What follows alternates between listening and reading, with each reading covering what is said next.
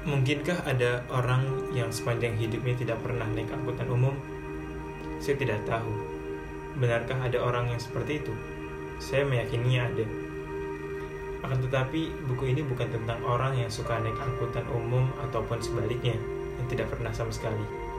Buku ini adalah catatan-catatan yang terjadi di dalam salah satu moda transportasi massal angkutan umum, bis. Tentu saja, yang saya catat di dalamnya bukanlah sekedar perjalanan naik bis ini atau bis itu ke tempat ini dan itu.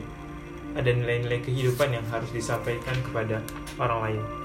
Semacam pelajaran dalam menerima dan menjalani kenyataan yang menyerupai pelajaran yang diberlangsungkan di ruang-ruang kelas di madrasah. Di mata saya, bis itu tak ubahnya ruang kelas yang berjalan, sekolah kehidupan yang berpindah dari satu tempat ke tempat lain. Sebagian peristiwa yang saya tulis adalah rekaman perjalanan naik bis, terutama di area Jawa dan Madura. Saya tetap menyebutnya catatan perjalanan karena sudut pandang yang digunakan adalah perspektif dalam rentang, dari A ke Z misalnya. Itulah yang menyebabkan cerita-cerita perjalanan ini berbeda dengan cerita perjalanan wisata yang umumnya mengulik semata destinasi, bukan peristiwa-peristiwa yang terjadi dalam rentang perjalanan ke tujuan itu. Apabila Anda menemukan data-data seputar kecepatan jarak dan tanggal, tempat, semua itu hanyalah hiasan yang mungkin tidak terlalu penting bagi Anda. Hasrat terbesar yang saya harapkan darinya adalah bagaimana nilai-nilai kemanusiaan dan filantropi, altruisme menjadi rempah-rempah yang sehat sehingga catatan ini menjadi lebih berharga. Mengajak orang berpikir bahwa berbuat baik itu tidak perlu harus menjadi kaya lalu menjadi dermawan. Lalu, Mengapa semua kisah yang ditulis ini hanya kisah yang terjadi di atas bis? Alasannya sederhana, karena saya suka naik bis. Tentu saja, karena berhubungan dengan hobi, jawaban bagi pertanyaan mengapa suka begitu pastilah subjektif. Sebagaimana mengapa pertanyaan mengapa kamu suka beli keris kok bukan bis somai aja? Semacam itulah. Di luar itu, saya berkeyakinan bahwa perjalanan naik bis sering kali lebih dramatis daripada kendaraan angkutan massa lainnya, seperti kereta api, pesawat udara, atau kapal penumpang ngerem mendadak, menyalip, atau bahkan adu kambing dengan kendaraan yang lain relatif hanya dapat kita rasakan jika naik bis.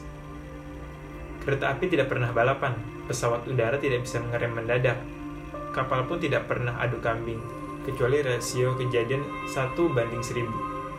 Di dalam bis, kehidupan manusia lebih dinamis karena bukan saja bis menyangkut banyak, mengangkut banyak orang dengan pola pikir dan watak yang beragam, melainkan juga karena ia pun harus melewati banyak persoalan, kesemerawutan lalu lintas, pungli di jalan, medan yang buruk, jalan tikus, kemacetan, serta peristiwa-peristiwa lain dalam ranah kemanusiaan. Dari situlah titik awal ibarat kata, saya membayangkan sebuah bis sebagai madrasah atau sebuah ruang kelas di dalam satu madrasah.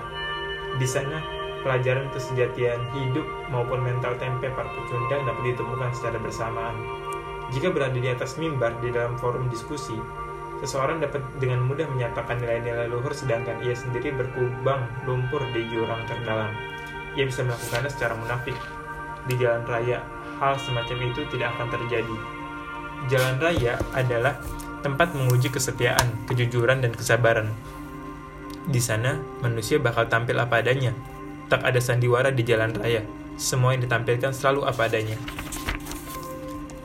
Bumel Bumel adalah atau bumel Boemel adalah sebutan untuk bis ekonomi. Ciri-ciri Bumel adalah bis tanpa menggunakan AC dengan kapasitas tempat duduk yang maksimal 59, kadang ada yang 60 atau 54 untuk sasis pendek. Ongkos naik Bumel lebih murah ketimbang naik patas.